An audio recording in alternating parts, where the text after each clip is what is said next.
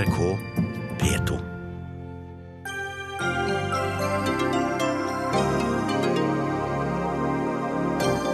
Donald Trump representerer folk flest og bør bli USAs neste president, mener Carl I. Hagen.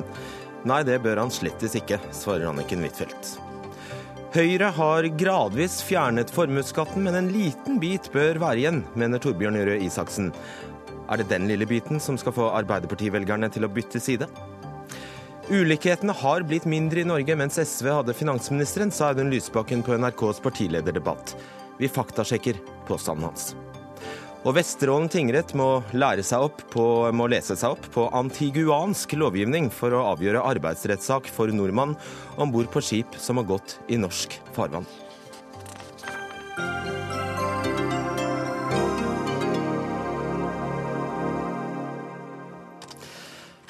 Da ønsker vi eh, god kveld og velkommen til ukas siste Dagsnytt 18. Jeg heter Fredrik Solvang. Sometimes in the heat of debate, you don't choose the right words or you say the wrong thing. I have done that. I regret it, particularly where it may have caused personal pain. Ja, Republikanernes presidentkandidat Donald Trump eh, slutter aldri å overraske. Nå har han altså gått ut og beklaget flere av sine omdiskuterte uttalelser de siste månedene.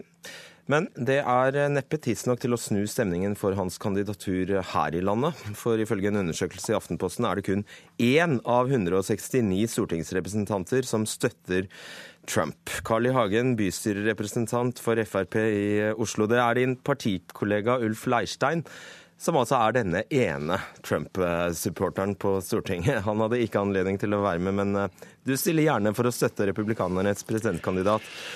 Eh, la oss ha denne unnskyldningen først. Er den troverdig? Jeg velger å ta den at den er ment, men den er selvsagt også klok i den forstand at han håper å eh, da dempe virkningen av en del eh, skal vi si, dumme og ukloke uttalelser. Og når jeg har sagt at jeg går for Trump, så er det fordi vi har to onder. Og det er to onder å velge mellom, og da velger jeg det minste onde. Fordi det er klart, jeg stiller meg ikke bak alt det Trump har sagt, nei.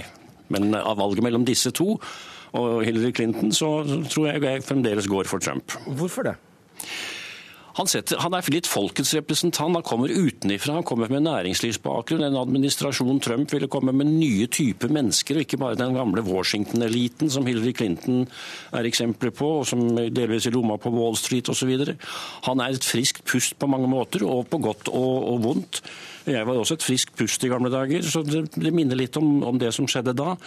Og så har han satt søkelyset på en del fornuftige ting. Han har sett den, den islamske faren, har sett at islam er krigens og voldens religion, som kan lage veldig mye negativt, og gjør det allerede i hele Europa. Og han ser den faren og vil demme opp for den. Og Det syns jeg er meget fornuftig. Det burde vi ha gjort i Europa og Norge for lenge lenge, lenge siden. For nå har vi veldig mye utfordringer og problemer.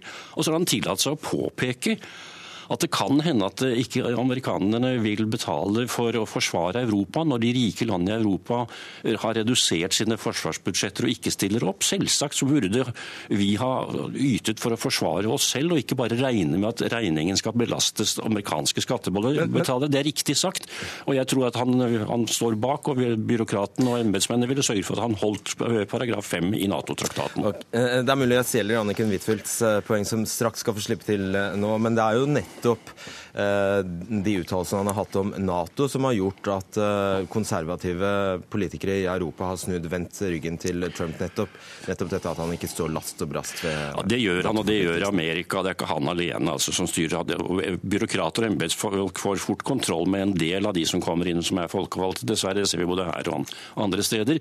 Men han har tillatt seg å påpeke at det er veldig rart at europeiske land ikke styrker sine egne forsvarsbudsjetter i takt med det Russland har gjort. Og så forventer vi at Amerika hele tiden skal komme og redde oss, som, betaler mye mer per innbygger til Forsvaret enn det vi gjør. og Det er, det er korrekt sagt, og det har forstått også Jens Stoltenberg sagt at vi må betale mer. og Jeg syns det er egentlig merkverdig at ikke Siv Jensen og Erna Solberg har styrket forsvarsbudsjettet enda mer og sagt at kjøp av ubåter og, og, fly det belastes ikke det ordinære budsjettet, men finansieres direkte rett fra oljefondet. Det hadde vært fornuftig. Da kunne vi styrket Forsvaret i stedet for at nå diskuterer man hvordan man skal skal nedlegge baser og, og avvikle forsvar. Det er helt sprøtt. Anniken Huitfeldt eh, fra Arbeiderpartiet, leder av Stortingets utenriks- og forsvarskomité. Begynn med selvkritikken til Trump du også. Hva syns du om det? Det er jo helt nødvendig. Fordi en som vil stå fram som presidentkandidat som rakker ned på kvinner, minoriteter, endog sørgende foreldre. Det er klart at han må si det han sier her. Nå hører jeg at Carl I. Hagen sammenligner seg selv med Donald Trump. Og jeg tror nok at rent innenrikspolitisk så er nok hans støtte til Trump mye begrunnet i det politiske, akkurat som min støtte til Hillary Clinton handler veldig mye om at rent ideologisk så står vi nærmere demokratene. Men grunnen til at partiet Høyre, da, for eksempel, som har hatt et historisk samarbeid med republikanerne, ikke har det på samme måte under Trump, er jo først og fremst pga. utenrikspolitikken. Så sier Hagen her at det vil byråkrater ordne opp i. Men sannheten er jo det at det er jo Kongressen som kan legge sterke begrensninger på en president når det gjelder innenrikspolitikk. Men på utenrikspolitikken, det er jo der en president har veldig vide fullmakter. Og da er det risikabelt å ha en uforutsigbar president som sår tvil om det som har vært hjørnesteinen i norsk sikkerhetspolitikk de siste 70 årene, Nato-medlemskapet, eh, som sier det han sier om anneksjonen av Krim. En uforutsigbar president. Det er noe helt annet enn en kvinne som er meget erfaren, eh, og som eh, står nært Norge og det vi mener i mange av disse sakene. Og Hagen, selv om, selv om du sitter i Oslo nå og ikke, ikke, er med i rikspolitikken i samme grad som du var tidligere, skal du ta et norsk perspektiv og ha norske interesser for øye, så er det, så er det vel ingen tvil om at det er i hvert fall noen kan stille spørsmålstegn, sette spørsmålstegn ved Trumps politikk? Ja, det er helt klart. Det, men, men, jeg velger altså å tolke hans uttalelser om Nato først og fremst med et klar advarsel og et signal til de europeiske landene om at nå må de også være med på å ta en større andel av regningen for Nato-fellesskapet. Ja. Og så har han også sagt at det burde være fordel å ha et si, bedre forhold til Putin, og det er jeg også litt enig i. Nato har på dette området vært jeg synes, litt provoserende når de liksom skal tilsynelatende rekruttere til, til Nato nabolandene til Russland. Det er det samme som gamle Warszawapakten skulle eh, ta de søramerikanske landene inn i Warszawapakten. Det er klart, USA har alltid sagt vi skal ordne opp i vår backyard. Ja. Og da må man respektere at Putin ikke aksepterer at la oss si, akkurat Krim, som de har hatt hovedbase for Stillehavsflåten i årtier, plutselig skal kunne teoretisk bli en Nato-base. Det var en provokasjon fra Nato, etter min oppfatning. Vi bør ha et godt forhold til Russland og prøve å, å bilegge litt av striden med Putin. Da blir det lettere å samarbeide i Syria og andre steder også. Huitfeldt, eh, det er jo veldig enkelt og lett å, lett å sitte her og eh, omfavne Hillary Clinton. Desto vanskeligere kanskje å forstå hvilken forakt, i hvilken grad amerikanerne forakter henne. Hun er veldig, veldig upopulær. Ja, men husk eh, hva slags motstand Gro Harlem Brundtland møtte i sin tid. Det er kanskje litt uvant for oss å tenke på det nå, for nå har vi en kvinnelig statsminister og en kvinnelig finansminister. Men kvinner i maktposisjon det vekker mye negative følelser. Tror du det bare er derfor? Det er delvis det. Eh, at hun påtar seg en posisjon, og de har kommet mye kortere enn oss på dette området. Og vi vet at eh, kvinnelige politikere vekker sterkere følelsesmessige reaksjoner på godt og vondt. Og det er også grunnen til den sterke tilhengerskaren som hun har. Men jeg må jo si at jeg syns det er helt absurd å høre Carl I. Hagen snakke om det minste av to onder. Altså, en, en president som er meget erfaren, som eh, er opptatt av de samme utenrikspolitiske interessene som Norge er opptatt av, mot en eh, meget uforutsigbar president med vide fullmakter i utenrikspolitikken. Han tar i hvert fall ikke utgangspunkt i norske utenrikspolitiske interesser. Ta dette her med, med hva, hva, tror du eh, er årsaken, Hagen, til Hillarys veldige upopularitet? 60 sier vel at de absolutt ikke liker henne? Jeg tror en av årsakene er at hun liksom Hun har jo ikke noe politisk prosjekt annet enn at hun selv ønsker å bli president, og det er helt legitimt og greit. og Hun vil være den første kvinnelige president, hun vil i tilfelle være det første ekteparet som begge har vært presidenter. altså Selve det liksom streben etter, etter makt og betydning, det tror jeg amerikanerne ikke alltid liker. Eh, og hun har ikke noe politisk prosjekt. La meg si det slik. Det beste jeg kan si om Hillary Clinton i realiteten, er at hun er født 26.10.1947, samme dag som min kone. Slik at de har bursdag sammen og er like gamle.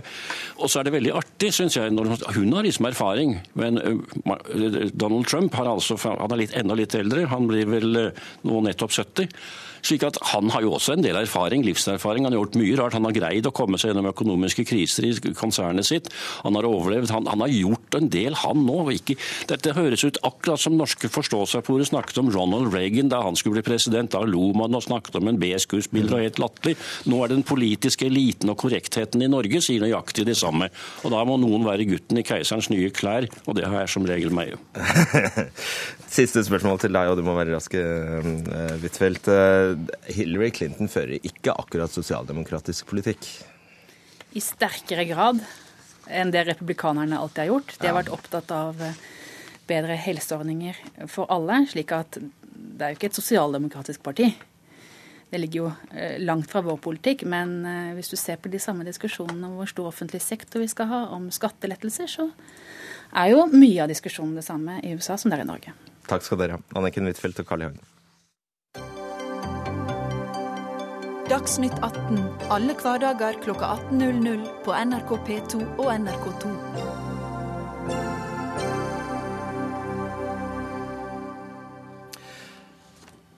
Høyre har gått fra å lokke velgerne i 2009 med et løfte, soleklart løfte om å fjerne den særnorske formuesskatten, som det sto i partiprogrammet, via et mye vagere løfte i 2013 om å fase ut formuesskatten på sikt, til i dag og ikke love å fjerne den i det hele tatt. Iallfall hvis lederen for Høyres programkomité, statsråd Torbjørn Røe Isaksen, får det som han vil. Stemmer det, Isaksen? Ja, Det stemmer at i programutkastet som vi kommer til å sende ut til diskusjon i partiet, så foreslår vi at vi skal redusere skatten på arbeidende kapital med sikte på å fase den ut. Og Det er fordi at den aller viktigste begrunnelsen for at vi skal gjøre noe med skatte- og avgiftsnivået, det er fordi vi skal skape nye arbeidsplasser. Det skal lønne seg å satse, det skal lønne seg å ta initiativ. Og så skal vi også bidra til å trygge norske arbeidsplasser på norske hender. Mm. Og da, Jeg regner med at du nå sikter til den eh, til den ganske nyetablerte definisjonen av arbeidende kapital vi har fått eh, her i landet, nemlig eh, driftsmidler og aksjer? Altså, vi, har, vi, har i programmet brukt den samme formuleringen som eh, regjeringspartiene og KrF og Venstre brukte i eh, forliket etter skatteforliket, da de fire partiene ble enige. Og så er Det jo sånn at det har vist seg ganske utfordrende å finne en skikkelig god operasjonalisering av det. Men mm. nå sier vi at det aller viktigste begrunnelsen for å få ned formuesskatten, det er jo i og for seg det vi alltid har sagt også, det er at det er en, det er en særnorsk skatt på norske eiere. Det gjør at du, du ja, På en måte så straffer du jo norsk eierskap, mens en utenlandsk eier, et hedgefond i New York, eh, ja. betaler ingenting av dette, så betaler norske lokale eiere denne skatten. Hvor mye av eh, Eller ja, Hvor mye av det som i dag betales av formuesskatt, som uh, altså er snakk om et proveny på mellom 10 og 13 milliarder, hvor mye av det skriver seg fra arbeidende kapital? Det må jeg innrømme at det husker jeg ikke i hodet. Civita har beregnet det. Ja. Jeg er ikke finanspolitiker i vanlig, så, men i, i, programkomiteen så er jo vår jobb både å lage ny politikk, men så er det også da å se til hva Høyre har ment i løpet av denne perioden i Stortinget.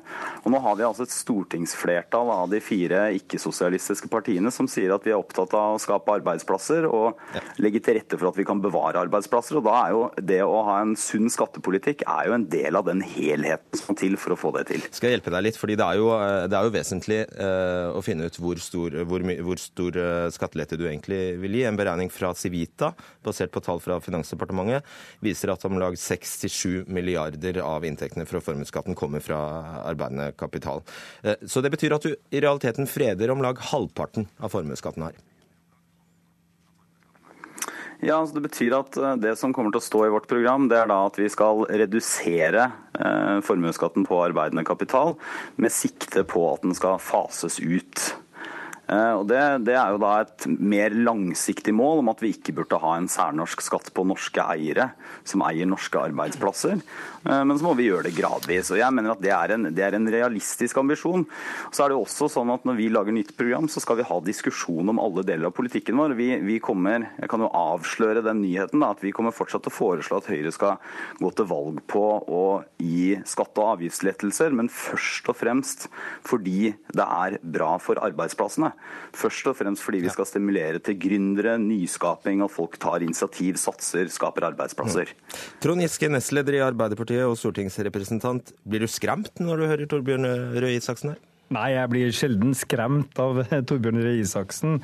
Eh, men jeg eh, tilhører vel dem som ikke ikke tror veldig mye på at Høyre og Frp da for så vidt vil slutte å føre høyrepolitikk. Og nå er jo Røe Isaksen tydelig på at skattekutt fortsatt vil være en viktig del av Høyres program. Og så er det litt spørsmål om hvilke skattekutt man skal gjennomføre. Og Det syns jeg er eh, for så vidt ærlig. altså den store satsinga de siste tre årene har jo vært eh, over 20 milliarder kroner i skattekutt. Det er f.eks. på årets budsjett 40 ganger mer til skattekutt enn det var i samla økning i Røe Isaksens budsjett til grunnskole og videregående, og det er en klar prioritering. Men dere mister jo trumfkortet hvis, eh, hvis han lar halvparten av formuesskatten bli?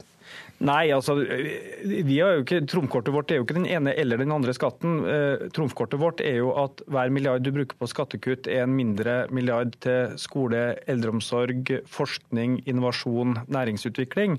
Eh, og skatt er jo ikke et mål i seg sjøl, men skatt er et virkemiddel for å ha det spleiselaget som gjør at de grunnleggende velferdstjenestene i Norge kan være gratis og gode. Og det som eh, er interessant nå, er jo at når det nærmer seg et valg, så fjerner Høyre seg litt fra disse skatteløftene, fordi at de vet at det er veldig liten oppslutning om det. De gjorde faktisk det også før 2013. Da sa Erna Solberg at skatt ikke hadde forrang foran andre saker, men i praksis eh, så fikk det en veldig stor plass ja, i budsjettene. Så mener du at de dundrer på rett etter valget? Ja, og det som okay. egentlig gjenstår, er jo de 20 milliardene som allerede er gitt i skattekutt, som jo skulle virke veldig dynamisk på sysselsetting og næringsutviklinga. Eh, vi har jo nå et rekordhøyt antall arbeidsløse. Det har selvsagt med oljeprisfallet å gjøre, men det er to år siden oljeprisfallet kom. Og denne dynamiske virkninga må jo på et eller annet tidspunkt slå inn, og den ser vi veldig lite til. Eh, Røe Isaksen, eh, det er jo et faktum at verdigrunnlaget det må svares formuesskatt av, eh, bare øker og øker. Dere inngikk et skatteforlik med bl.a. Arbeiderpartiet, som betyr at man får en skatterabatt på 20% på driftsmidler og, og, og aksjer. Altså at det bare skal skattes av 80% av verdien. Det betyr jo at dere har vært med på å forsegle egentlig et kjempehøyt nivå på formuesskatten? Jeg er ikke enig i at vi har vært med på å forsegle, for denne regjeringa har jo redusert formuesskatten. Og det problemet med forrige regjering Men staten får like mye inn på, på formuesskatt i dag som den gjorde for noen år siden. Skatten på, norske, skatten på norske eiere gikk opp, men så har det jo også vært sånn at denne regjeringa har endret noen av beregningene for at nettopp fordi at det viktigste er jo at formuesskatten på, på, bedrifter, for å si det veldig enkelt, på arbeidsplassene, den, de, de norske eierskapet, at den skal ned. Så må jeg bare få kommentere til Trond Giske, for det er jo to ting å si om det. For det første så er det jo riv ruskende galt. Det kan jo hvem som helst sjekke opp at de største satsingene til denne regjeringa er skatte- og avgiftslettelser. Det er det overhodet ikke. De største satsingene våre, mange ganger så mye som, som skatte- og avgiftsreduksjonene, er skole, forskning, samferdsel, helse, rekordsatsing på psykiatri, rusomsorg. Det er det viktigste. Og så er det et annet spørsmål også som, som presser seg fram, og det er jo hva i all verden er Arbeiderpartiets skattepolitikk? For Arbeiderpartiet mener da akkurat nå flere ting samtidig. For det første så mener de at skattelettene våre var gale, men de kommer ikke til å reversere alt. Men så har de samtidig sagt i alle sine alternative budsjetter at de skal øke skattene. Det blir vel en rundt 30 millioner i skatteøkning per dag, tror jeg, hvis man skal gjeninnføre alt det Arbeiderpartiet vil. Og så har de fortsatt da, etter tre år i opposisjon, ikke klart å si om de har en ambisjon i neste periode om å holde skattenivået på dagens nivå, eller om de skal gå til valg på å øke skattene. Og Det siste de ikke har svart på, er jo hvordan det å øke skattene i en, i en periode hvor norsk næringsliv sliter og mange bedrifter har det tøft, skal gjøre at vi får flere og tryggere arbeidsplasser. Alright, jeg skal et svar på dette her. Altså, dere, dere, kan ikke fortsette å messe om disse 20 milliardene hvis dere ikke har tenkt å reversere 20 milliarder? Vel, det kan være mange ting som Høyre gjør i regjering som kan være vanskelig å reversere. Hvis de lykkes f.eks. med å privatisere Statkraft eller Statskog, så er det ikke sikkert at vi klarer å gjøre om det når vi overtar arbeidsmiljøloven. skal vi klare å reversere. Men også det samla skattenivået er ikke uten videre lett å reversere til det som var i 2013. Men jeg gjør oppmerksom på at i perioden vår fra 2005 til 2013 så ble det altså skapt 360 000 nye arbeidsplasser, to tredjedeler av dem i privat sektor med det skattenivået vi hadde da. Vi hadde den laveste arbeidsløsheten i Europa, og internasjonale undersøkelser sa at vi var det sjette beste landet i verden å investere i.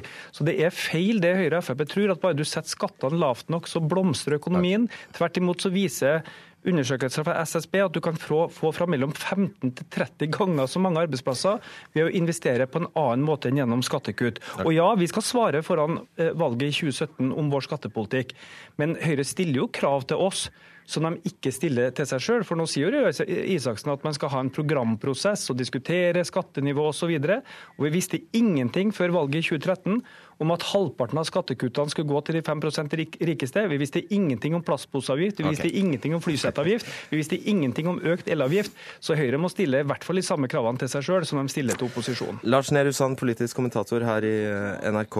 Hva blir konsekvensene dersom Høyre gjør som Røe Isaksen eh, ønsker å legge bort eh, noen av de mest omstridte skatteletteløftene, altså på eh, formuesskatt.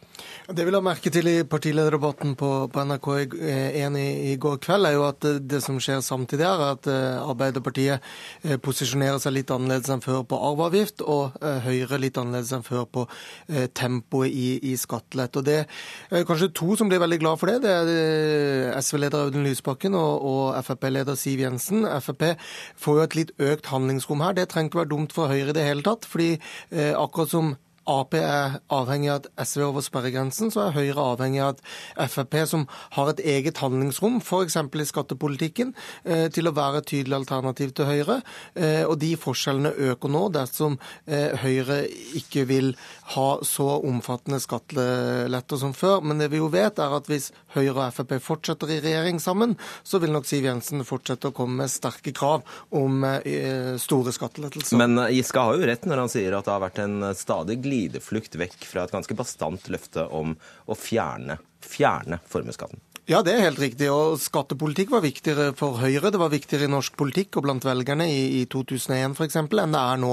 Eh, den linjen som eh, Røe Isaksen eh, for så vidt viderefører da, med sitt, sitt, innspill til partiprogram, den skrytelisten han forteller om og utfordrer Giske på, det handler jo nettopp om prosjektet til Erna Solberg, et noen kaller det mykere Høyre.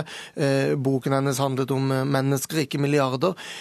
Og det prosjektet der videreføres hvis de også skrur stikka litt sterkere igjen neste periode med det programforslaget som Røe Isaksen kom med her. Så hvis Arbeiderpartiet ikke like tydelig kan angripe Høyre for skattekutt, hva gjenstår da av skillelinjer mellom de to?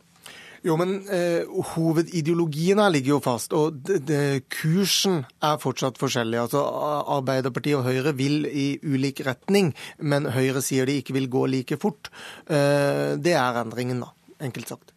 Eh, bare litt tilbake til altså Hvis uh, Arbeiderpartiet og kanskje Kristelig Folkeparti eh, står på den ene siden mot Høyre og Frp med støtte av Venstre, hva, hva er da egentlig Hva blir forskjellen her? Forskjellen blir jo som sagt hvilken retning man skal gå, og så er det da sjatteringer med fløypartiene i, i, hva slags tempo. Men det vi skal merke oss i det Røe Isaksen også sier, er jo dette med arbeidende kapital, som mange har vært enige om. Det har vært vanskelig å, å operasjonalisere, men det har vært nettopp sentrumspartiene som har vært opptatt av dette lenge. Og det at Arbeiderpartiet og Høyre frir til sentrum, går inn mot sentrum, det handler selvfølgelig om at Høyre, da, siden de vil snakke mest om her, ser at de må stoppe velgerflukten til Arbeiderpartiet, som går over midtstreken i norsk politikk. Og hvis konsekvensen av det blir å miste velgere til Frp, vel, så sikrer det fortsatt eh, velgerstabiliteten, for å si det sånn, på borgerlig side. Og de som faktisk trodde at Høyre ville fjerne denne formuesskatten en gang for alle, de er ikke mange nok til å protestere høyt nok? Ikke i velgermassen som syns at skattepolitikk er viktig, for det er færre nå enn før. Mm. Takk skal du ha. Trond Giske, Torbjørn Røe Isaksen og Lars Nehru Sand, tusen takk.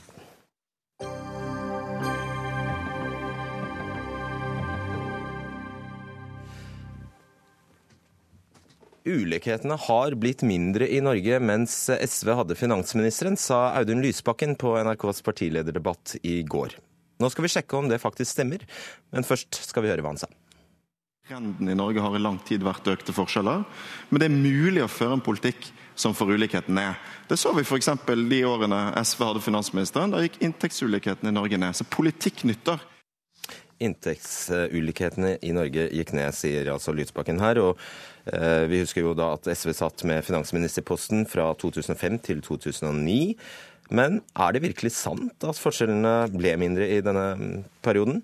Det svaret kan kanskje du nyansere for oss, Rolf Aaberge. Som SSB-forsker, altså Statistisk sentralbyrå-forsker, så har du analysert de økonomiske ulikhetene i Norge i en årrekke. Ja, du mener Lysbakken og SV er på tynn is her?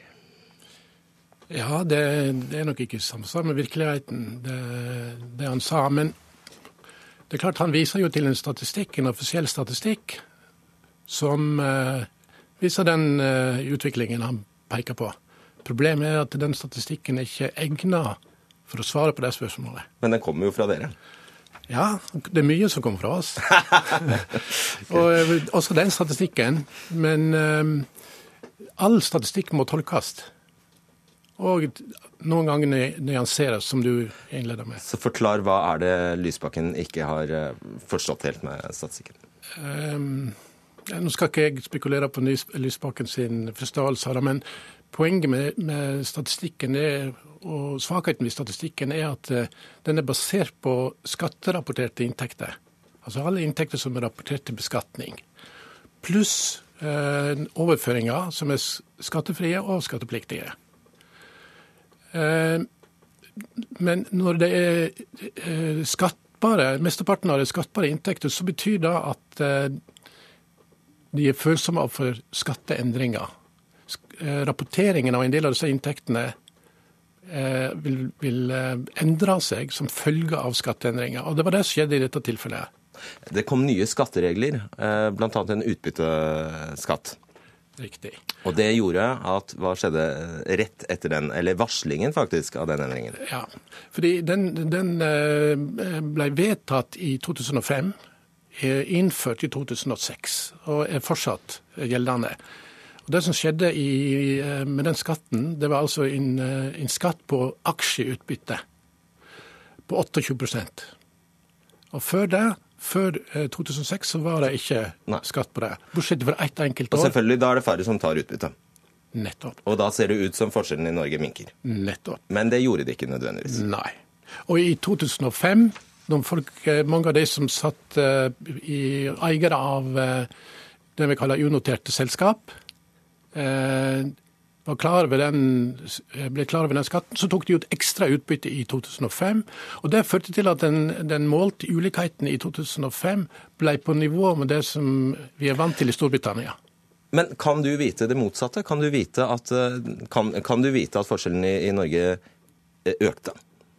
Jeg kan ikke uten videre vite om de økte, men jeg har en del indikasjoner på, på grunnlag av andre beregninger vi har gjort, at uh, ulikheten ikke gikk ned.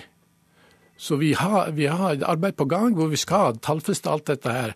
Men uh, det jeg har av kunnskap totalt sett om, om uh, utviklingen ja, la oss si de siste 15 årene, fordi vi har hatt problem også tidligere på 2000-tallet, som forstyrrer fortolkningen. Men dere burde jo holde opp og publisere denne type tall hvis de er så lett å feiltolke eller misforstå? Da. Ja, men det er mange formål med enhver statistikk.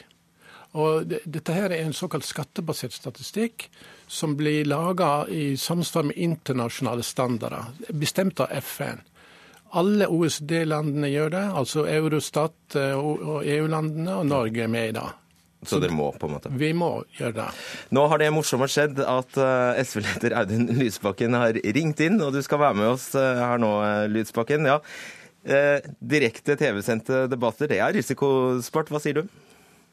Altså Nå eh, kom jeg akkurat på telefonen, så har vi rett og slett ikke hørt hva Aaberge sa. Du har fått en grusom dom, Lysbakken. Nei da, du har Altså, SSB-forsker SSB Aaberge sier at man kan ikke ut fra, fra eh, Gini-koeffisienten, som det var du, det du egentlig siktet til i går, utvetydig si at forskjellene, ulikhetene i Norge, har minket. Nei, men Det er riktig. Altså, og Jeg er enig med Aaberge. Hvis du hører hva jeg sa i går, så sa jeg at inntektsulikheten gikk ned, og Gini er det viktigste målet vi har eh, for det. Så handler forskjellsutviklingen om veldig mye mer. Eh, men det er også grundig dokumentert at det i den perioden ble ført en skattepolitikk som hadde en omfordelende effekt. Og det var mitt poeng. Det går an å føre politikk som bøter på ulikhetsutviklingen. Så er det mange megatrender som går i retning eh, økte forskjeller i det norske samfunnet. Eh, og ett politisk grep, ett politikkområde eller én statistikk gir ikke hele bildet. Det er jeg enig i. Angrer du på at du sa det? Nei. Eh, og jeg har sagt det mange ganger før, og det er grundig faktasjekket av eh, både Aftenpostens faktasjekkere, Bergens Tidenes faktasjekkere, det kan man finne på nett. Og de konkluderte begge med at den påstanden er sann. OK, Aaberge, du får si han, si han et par ord her. Uh, ja, det, um, det er alltid et problem når du skal bruke en statistikk til å belyse et eller annet eh, samfunnsforhold. I dette tilfellet så forsto jeg ditt hen at du ønsket å belyse effekten av, av en, en, ny politikk, en ny skattepolitikk, og det, uh, helt konkret da utbytteskatten.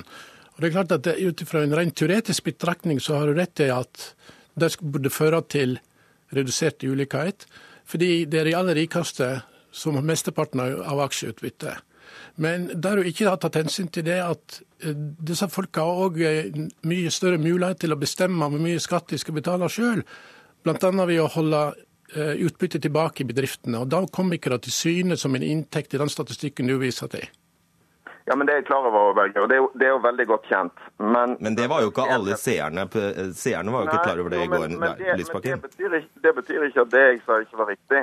Fordi eh, de, Disse tallene handler om flere ting. Det handler om effekten av utbytteskatten. Men det handler også om effekten av at uh, formuesskatten ble mer progressiv i disse årene, og, og flere skattegrep. Uh, og det er ikke bare Gini, men også andre beregninger som viser at effekt effekten av de skatteomleggingene som kom under Kristin Halvorsen, var omfordelende. Okay. Du sprenger tidsskjemaet vårt, Lysbakken.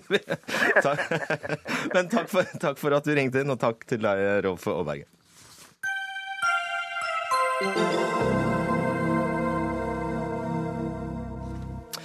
Ja, nå over til en eh, mildt sagt spesiell sak. For i Vesterålen tingrett sitter de nå og leser seg opp på arbeidslovene til den bitte lille øystaten Antigua og Barbuda i Karibia. Saken er som følger. En norsk styrmann ble i 2014 sagt opp av sin arbeidsgiver i rederiet Eimskip Norway. Mannens jobb var å styre store skip mellom Bergen og Kirkenes, en jobb han hadde hatt siden 2010. Og Da mannen sa seg uenig i oppsigelsen, tok han saken til retten. Eh, der ble det avgjort at norsk lov ikke var gjeldende. Skipet han jobbet på var nemlig registrert i øystaten Antigua og Barbuda, og mannen var derfor omfattet av øystatens lover. Og det til tross for at han betalte skatt i Norge, han hadde norsk arbeidsgiver og han jobbet på norsk sokkel. Advokat i Norsk eh, sjøoffisersforbund, nå ser jeg hardt på deg, for jeg lurer på om det er det. Terje Hernes Pettersen. Eh, dere anla sak på vegne av eh, styrmannen. Hva i alle dager er det som har skjedd her? Nei, altså det som er skjedd er at Først så har domstolen beslutta hva slags lov som skal regulere det rettsforholdet. Eh, saken var jo den at eh, han er norsk eh, arbeidstaker, ansatt av en norsk arbeidsgiver, skatta til Norge, som du sier, og frakta gods mellom Bergen og Kirkenes. Men på et utenlandsk skip? På et utenlandsk skip. Og da kommer Høyesterett frem til at han er ikke da beskytta av norsk lov. Um, og Vi mener jo det at det, det, kan ikke være så enkelt som å registrere et skip i utlandet, og så skal rettigheter som vi har opparbeida gjennom 100 år, bli satt til side ved et pennestrøk. Og, og erstatte av rettsreglene til en, til en karibisk øystat. Så, så, vi mener jo at den, den dommen er urimelig, rett og slett. Det er Høyesterett, da. Det er riktig. Så hva gjør du nå? Nei, altså, Nå er vi jo et hull i lovgivningen, og nå må politikerne på banen og tette det hullet og sørge for at norsk lov også gjelder for alle i Norge. Hans Jakob Bull, professor ved Nordisk institutt for sjørett. Um, sånne saker som dette her vil vi få flere av dess tettere handelen blir, sant? verdenshandelen. Det er en viss risiko for det, men forhåpentligvis vi, kommer vi ikke til å se så mye av det. Det, det får vi bare krysse fingrene. Det tror jeg du bl.a. vil få høre fra vennen ved siden av her, at uh, kanskje vi ikke ser så mye av det. Men, men det, er, det, er, det, er, klart at du kan risikere det, og da er det et problem. Er, men er det foreløpig kuriøst? Ja, Det er det første eksempelet vi har på dette. Jeg kjenner ikke til at vi har hatt noe sånt i, i, tidligere uh, i, i, norsk rett. Det vet jeg ikke noe om. Og, altså, egentlig snakker vi om to ting. Vi snakker om eh, den noe spesielle situasjonen at eh, Vesterålen tingrett må sitte og lese seg opp på antiguansk rett. og, det, og, de demokratiske implikasjonene det har. altså det er, Disse lovene er ikke vedtatt av det norske Stortinget akkurat. Og så har vi konsekvensene for norske sjømenn. Sant? Det er den andre biten av det. Når det gjelder eh, det, det siste som Pettersen tar opp, hva, er det en farbar vei det å innføre, altså endre en forskrift? Er det så enkelt? Ja, det er vel egentlig det. Altså Enten eh, endre forskrift. Det er en forskrift til eh, skipsarbeidsloven som må kunne anvendes. og Uansett, hvis man ikke vil gjøre det, så må man kunne endre loven. Og det har man eh, adgang til. Hva skal det stå i den loven? Det skal stå at uh, i tillegg til at loven får anvendelse på arbeidstakere på norske skip, så skal den også få anvendelse på arbeidstakere bosatt i Norge som arbeider på norske skip innenfor norsk territorialfarvann. Ålreit. det var litt teknisk, men Nei, sånn, men... sånn i store ja. ja. Nettopp. Ja. Uh, uavhengig av hvor skipet er registrert. Ja. Viggo Bonde, Bondi? Det er Bondi, ja. Bondi, unnskyld. Eh, advokat i Norges Rederiforbund. Det er anslått at 1700 mennesker eh, jobber på skip under andre lands flagg langs norskekysten. Så potensielt gjelder dette mange? Det gjør det. La meg bare understreke innledningsvis at vi representerer ikke Eimskip, og de er heller ikke medlem i Rederiforbundet. Når det gjelder disse spørsmålene som eh, diskuteres, og som var til behandling i Høyesterett, eh, så er det i og for seg eh, et relativt enkelt spørsmål i utgangspunktet. Det det handler om, er at man etter norsk rett har bestemt at den norske loven skal gjelde for norskregistrerte skip. Og Det er noe som man har i en ny lov fra 2013, den såkalte skipsarbeidsloven. Og Det samme prinsippet hadde man i den gamle sjømannsloven fra 1975. Og Dette har det ikke vært noen uenighet over tid. Det som, eh, og dette bygger i og for seg på havrettens eh, prinsipper om det såkalte flaggstatsprinsippet. Det som, eh, det som, da er situasjonen for nordmenn som arbeider på utenlandske skip, er, er jo da, er, her er det i og for seg to muligheter. Den ene er at, at det er reglene i vedkommende flaggstat som kommer til anvendelse. Den andre muligheten, og det er den vanligste, det er at norsk rett kommer til anvendelse også i disse tilfellene. Det som jo da er... Så da støtter dere en eh, forskriftsendring? Da? Det er ikke noe behov for det. Nei, Vi støtter ikke noen forskriftsendring fordi at det er ikke behov for det. fordi at eh, For det første så vil det lett kunne utfordre eh, havretten. Det er nemlig slik at Etter havretten så er det ikke anledning til å regulere skip som er i såkalt uskyldig gjennomfart i territorialfarvannet. Det er hevdvunnen havrett. Men la meg komme tilbake til dette med nordmenn på utenlandske skip. Situasjonen der er at her bruker man gjennomgående norske tariffavtaler. Og i de norske tariffavtalene, det er avtaler som er inngått mellom Rederiforbundet og sjømannsorganisasjonene. Og i disse avtalene så fremgår det at norsk lov gjelder for de som arbeider på disse skipene, selv om de da er utenlandsregistrert. Slik at norsk lov gjennom avtaleveien likevel gjelder for disse personene. Åpenbart ikke samme oppsigelsesvern, da. Eh, det er helt riktig som Bondi sier, at på de avtalene som vi har med Rederiforbundet, så, så, er det den type klausuler. Men det, som, det var ikke tilfellet i den eh, saken med, med Aimship, fordi det var, en, det var, et annet tariffområde. Eh, jeg vil jo si det at når man først har den muligheten til å gjøre det her klart at norsk lov gjelder, kan gjelde, så bør man også gjøre det. Og Det er det vi utfordrer politiske myndigheter til uh, å komme på banen. Fordi at Nå snakker alle politiske partier om havrom og alle de mulighetene som ligger der. Og Vi uh, håper jo og tror at uh, norske politikere snakker om et havrom som er basert på norske verdier. På et, Jeg skulle ønske vi bare kunne snakke om havet. Ja. Men, ja. så det håper vi, og får vi kanskje høre senere i sendinga. Ove Trellevik, medlem i næringskomiteen for Høyre. Kan du forestille deg den arbeidsmengden og det byråkratiet som må iverksettes nå for at lovgivningen fra Antigua og Barbuda skal tolkes og implementeres? Ja, nei, jeg, eh, jeg, får ikke håpe vi kommer dit hen at, eh, at norske lover skal på en måte ligge føringer for eh, internasjonale rederi. Vi ønsker jo her i Norge å styrke det norske flagget Nei, på de norske altså. Det er det som nå vil skje i Vesterålen tingrett? Jo, det er jo fordi at eh, norske redere har valgt utenlandske flagg, og norske arbeidstakere har valgt å jobbe på disse fartøyene. Og Det er jo et valg både rederne har valgt sjøl, og arbeidstakerne har valgt sjøl. Vi har ønska å legge forholdene til rette for at det norske flagget skal kunne vaie høyt på norske skip, og at det norske register skal være internasjonalt konkurransedyktig. Og Mange har jo valgt å flagge hjem igjen med den politikken som vi nå fører, med å styrke både nettolønnsordning og fartsområdeutvalget. Ja, For å gjøre det kort og brutalt her dere ønsker, det vil ikke endre noe forskrift eller gjøre noe med dette? Nei, jeg kan ikke se at det er noe grunnlag eh, så langt å endre eh, på forskriften, og heller ikke loven i, i denne sammenhengen. her. Selv om jeg eh, syns det er ille at arbeidstakere opplever det som de har gjort. Men det lå jo heller ikke noen føringer for dette når Stortinget vedtok denne loven i 2013. Så Stortinget var jo veldig opplyst om at dette kun gjaldt norskregistrerte fartøy. Okay. Både i nord og i NIS gjaldt den skipsarbeiderloven. Så at det er ingen som har blitt ført bak lyset og trodde det at vi vedtok en lov som omhandler internasjonalt eh, registrerte fartøy på andre flagg. Det er et poeng, eh, Bull. Altså, I 1987 ble jo NIS, altså Norsk internasjonalt skipsregister, eh, etablert. Og det er en helt frivillig sak om du som norsk arbeidstaker ønsker å jobbe på et skip under bekvemmelighetsflagg. Ja, det er riktig.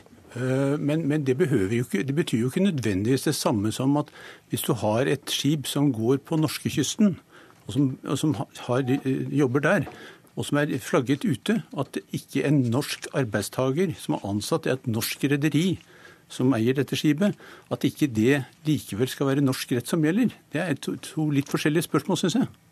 Hvorfor det? Jo, altså, er det, er, det, er det, noen grunn til at vi skal ha forskjellige regler for denne personen som jobber på dette skipet, avhengig av hvilket lands rett det er, når han gjør den samme, samme tjenesten i realiteten?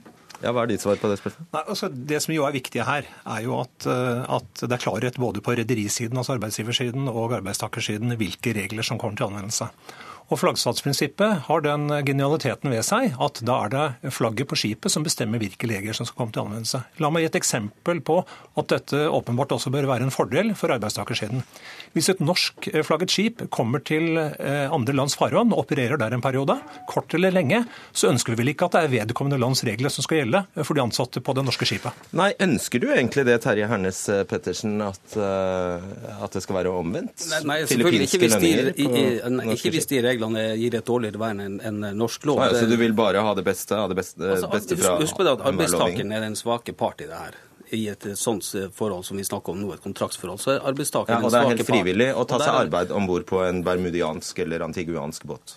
Det er for så vidt eh, frivillig å gjøre, men du må huske på det at et eh, skip bytter flagg. Jeg hadde nettopp et eksempel med et medlem som var på tre forskjellige flagg, altså tre forskjellige rettsregler på én måned. Sånn, sånn det her skaper ikke forutsigbarhet eh, for arbeidstakeren i noe særlig grad. Og så vil jeg spørre Trellevik om Vi har ikke tid til svaret, men det er greit. Men kan vi stille Trellevik et spørsmål, fordi eh, vi har et spørsmål som brenner. og det er nemlig det. Ønsker Trellevik at vi skal nå, når vi skal utnytte havrommet fremover, at det skal være basert på norsk lov og norske lønns- og arbeidsvilkår? Ja eller nei er egentlig det, Trellevik. Jeg ønsker at eh, det norske flagget skal være internasjonalt konkurransedyktig, og at eh, norsk skipsregister er internasjonalt konkurransedyktig, og at norske redere og norske mannskap vinner eh, kontrakter på norsk sokkel i en internasjonal konkurranse. Vi er, lite, vi er et lite land med en stor tonnasje, og vi er helt avhengig av å ha internasjonale, gode konkurransevilkår. Hjertelig takk. Takk skal dere ha, Terje Hernes Pettersen, Viggo Bondi og Ove Trellevik og Hans Jakob Bull. Hør Dagsnytt 18 når du vil. Radio NRK Radio.nrk.no.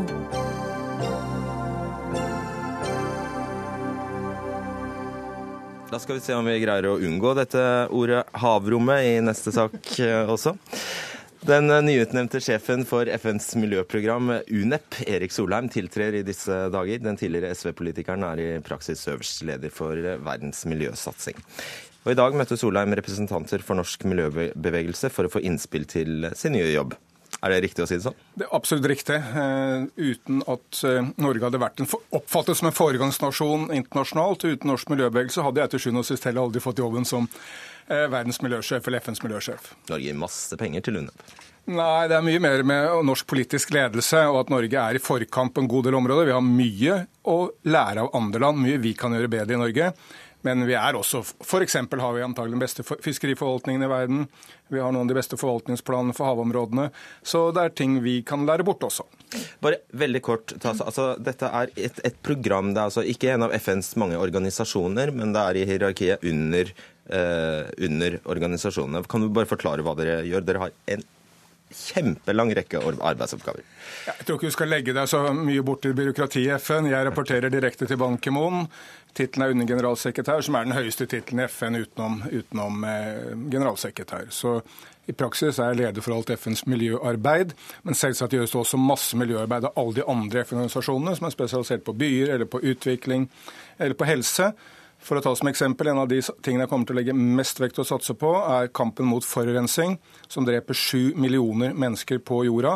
Men selvsagt kan jeg bare gjøre det sammen med Verdens helseorganisasjon, som Gro i sin tid ledet. Og skal du bo i Kenya? Jeg skal bo i Kenya. Nina Jensen, generalsekretær i WWF. Du og organisasjonen din var på dette møtet med Solheim og seks andre organisasjoner i dag. Eh, du er opptatt av havet. Mm, og forvaltningen av havet. Ja. Eh, og ikke bare det. altså eh, Verdens nye miljøsjef, eh, som vi for øvrig er svært fornøyd med at ble Erik Solheim, har jo fått en lang smørbrødliste både av oss og av de andre organisasjonene. Men det er ingen tvil om at havet står på toppen av ønskelisten for mange av oss. Og det er jo fordi situasjonen er ganske alvorlig i havet. I løpet av de siste 40 årene så har livet i havet blitt halvert. Eh, og havet utsettes for en stadig økende press fra alle kanter. Både gjennom skipsfart, gjennom forurensning, gjennom eh, økende matproduksjon i havet, eh, ikke bærekraftige fiskerier, gruvevirksomhet osv. Og ikke minst olje- og gassvirksomhet. Så det er klart, det trengs en akutt redningsaksjon for havet. Og vi håper jo nå at Erik Solheim skal være den redningsmannen som havet trenger. Er du det? Jeg skal gjøre mitt beste, eh, men framfor alt treng, startpunktet er at vi trenger å endre holdning på kloden. For vi har oppfattet havene som så store, de dekker 70% av jordas overflate, at vi kunne kaste all mulig plastikk og annen søppel ut i havene, men det ville drukne eh, i de store eh, vannmengdene. Eh, vi var vant til at det var så mye fisk i havene at om jeg og min nasjon eh, fisket opp alt sammen, så ville det alltid komme noe annet tilbake. Og det vi har lært de senere årene, sånn er det ikke. Vi må ta en helt annen forvaltning av fiskeriene, ellers ødelegger vi også for verdens fattige. Eh, vi kan ikke kaste plastikk ut i havet, ellers så får vi et kontinent av, av søppel i Stillehavet og søppel på alle strendene våre, for det kommer tilbake til oss. En helt konkret utfordring som jeg vet du har fått, er altså vern. Og der er det jo sånn at det faktisk er er vedtatt at eh, man skal landene, verdens land, skal, eh, skal verne 10% av nasjonale havområder fram mot 2020. og det, Den situasjonen er ganske begredelig. Det skjer masse positivt, men vi må speede opp i en helt annen tempo. Vi trenger nasjonale verneplaner hvor hvert land verner særlig utsatte havområder som er under deres eh, nasjonale kontroll. Norge vil det f.eks. gjelde for flere verneområder for våre korallrev og andre særlig utsatte områder. Malaysia lagde nettopp et stort verneområde nord for, for Borneo, for å ta et eksempel. Men i tillegg trenger vi jo internasjonale verneområder i de havområdene som er utenfor noe enkeltlandskontroll, i Stillehavet, i Atlanterhavet, i Det indiske hav. Og Det kan vi jo bare få til gjennom internasjonal samhandling, hvor vi blir enige i verden, i verden om å gjøre det. Sist, er, er, Erik Solheim alene får ikke vernet verdens hav, og noe av problemet her er vel at det er 220 land i verden? Absolutt, så dette er en stor jobb. Og det er jo en grunn til at man ikke har kommet så langt eh, allerede. Man har altså forpliktet seg til 10 eh, vern eh, av havområdene våre, men under 3 er vernet i dag. Hvis vi ser tilbake til våre egne grenser i Norge, så er jo under 0,3% av våre havområder vernet. Så det er klart, på dette området så er Norge en sinke, og vi har en betydelig jobb å gjøre hjemme. Men vi har jo aldri vært bedre posisjonert til å ta en ledende rolle eh, på havet enn det vi har vært nå. Norge er en ledende hav- og kystnasjon, og vi er blant verdens beste på eh, fiskeriforvaltning, som Erik Solheim også var inne på. Ehm, og når vi da vet at eh, Erik Solheim var en av arkitektene bak et av de mest vellykkede internasjonale programmene for regnskogbevaring, Redd Pluss, så ser vi for oss at man kan etablere et tilsvarende initiativ i havet for å restaurere, bygge opp igjen eh, og ta vare på havområdene våre. Og Det er jo nettopp fordi Norge har den fantastiske kompetansen og ekspertisen, og også et behov for omstilling og satse på noe nytt, at dette er eh, riktig tid. God idé? Absolutt. Jeg vil gjøre mitt ytterste for å få verdens sentrale ledere, dvs. Si amerikanerne, kineserne og alle de andre, med på mye mer vern av verdenshavene. Samtidig er jeg helt enig i Ninas beskrivelse av Norge. Vi er verdensledende på, på havforvaltning, verdensledende på fiskeriforvaltning, men vi er ikke verdensledende på vern av havområder. Der ligger vi langt etter. Obama f.eks. vernet nettopp et gigantisk område utenfor Hawaii. Så der kan norske myndigheter se til Hawaii og Obama for å, å gjøre mer. Det er en annen ting vi utrolig nok heller ikke er verdensmestere i, og det er altså på området overfiske. Og når du satt i, satt i regjering, så fikk Norge kritikk fra Gjett hvem? FNs miljøprogram i 2010 for overfiske eh, i havet. Så Norge har sin svinn på skogen. Ja. Absolutt, og det er jo en av oppgavene til FN. Det er å snakke sannheten til makta. Og det skal vi forsøke å gjøre, enten den makta er USA eller Kina, eller land som Norge. Eh, vi skal rose de som gjør bra ting, men vi skal også åpent og tydelig kritisere de som ikke gjør nok. Det er bare sånn verden går framover. Og Det gjelder også med det private næringsliv. Vi skal name and shame, for å snakke godt engelsk og norsk, de som gjør det dårlig. Vi skal name and fame, altså rose de som gjør det bra. Er UNEP virke, eh, viktig, eh, et viktig organ? Absolutt. Eh, jeg vil si at det er verdens viktigste organ eh, knyttet til eh, miljø. Men det er klart UNEP løser jo ikke disse utfordringene alene. Det kreves et betydelig samarbeid på tvers av organisasjoner, næringsliv, myndigheter, politikere for å klare å løse denne oppgaven. Og UNEPs rolle og Erik Solheims rolle blir jo å prøve å bringe alle disse aktørene sammen. Gjøre informasjonen forståelig og oppnåelig, og sørge for at alle aktørene gjør det de skal. Vi må sette strek der. Takk skal dere ha, og god tur. Takk, takk. Jeg gleder meg. takk.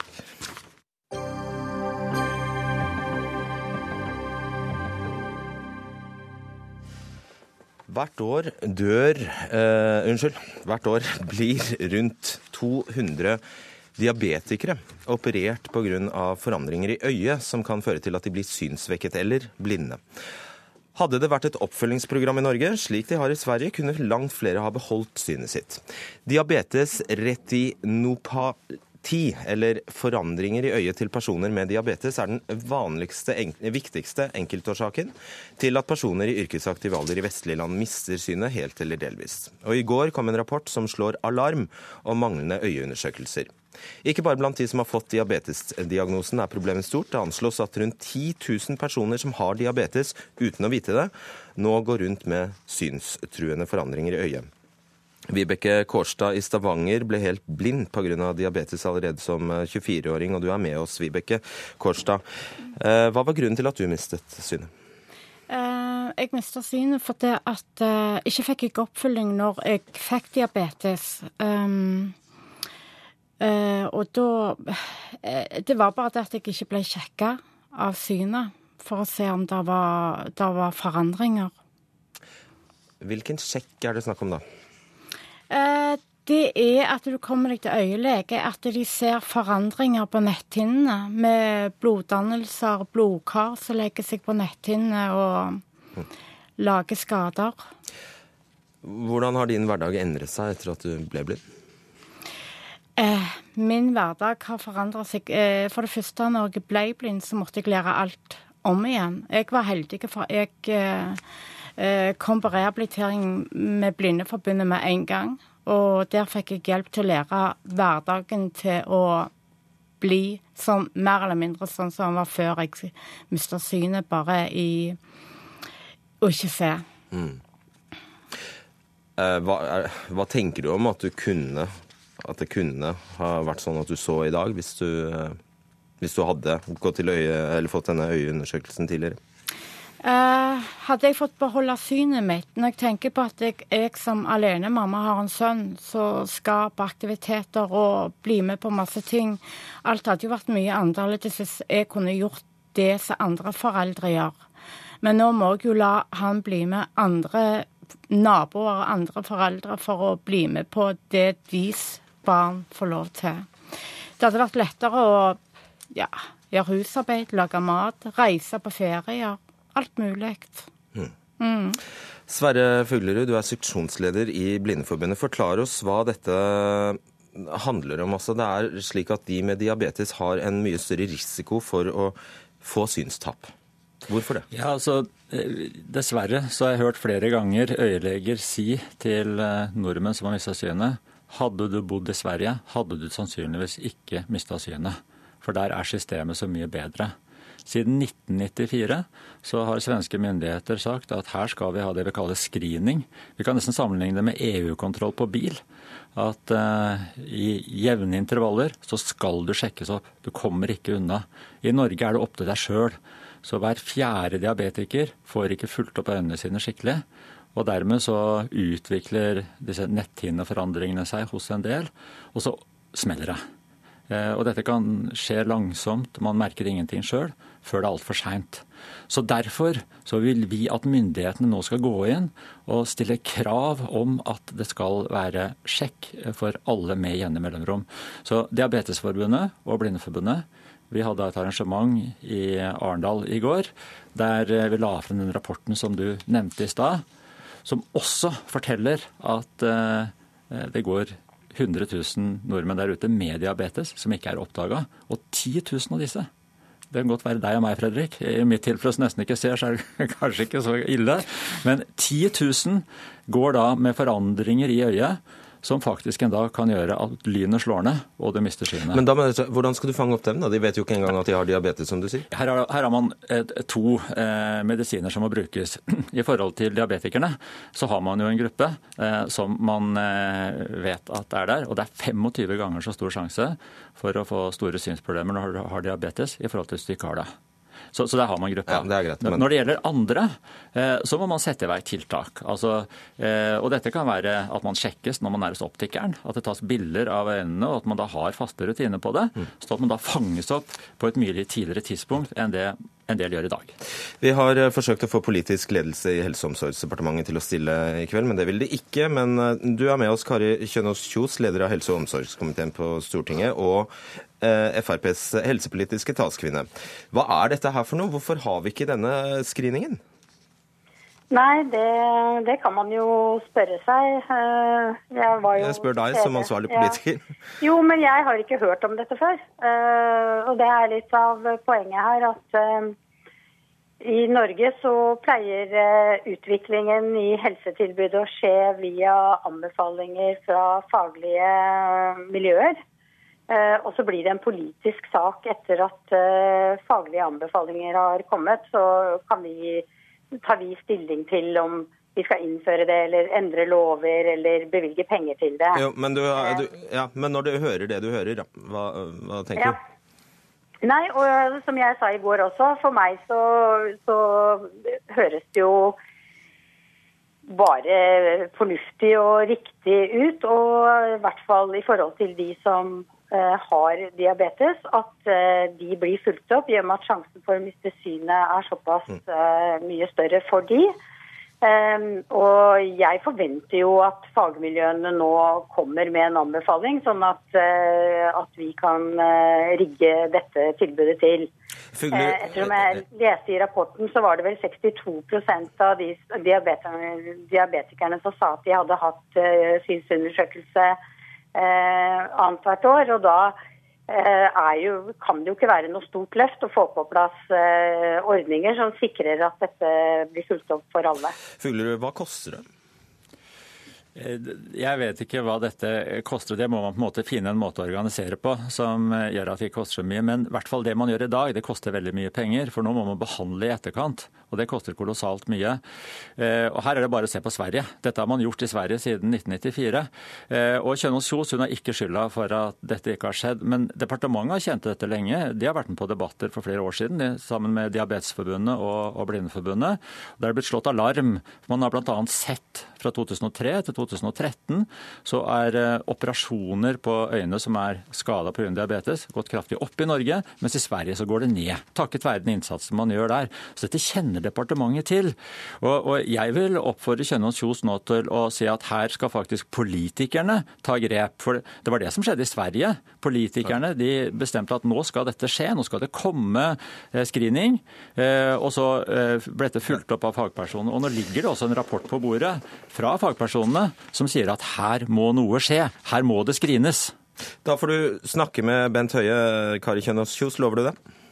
Det skal jeg absolutt gjøre. Det, det lovte jeg i går òg. Jeg synes at dette handler ikke bare om hva det koster å undersøke, men dette koster enormt mye for enkeltmennesker. Så eh, Derfor så mener jeg at dette er veldig viktig å ta tak i. Takk, tusen takk skal dere ha. Tiden er eh, ute. Vibeke Kårstad, Sverre Fuglerud og eh, Kari Kjønaas Kjos. Dagsnytt 18 var ved Ida Tune Øretsland, Lisbeth Seldreite og Fredrik Solvang.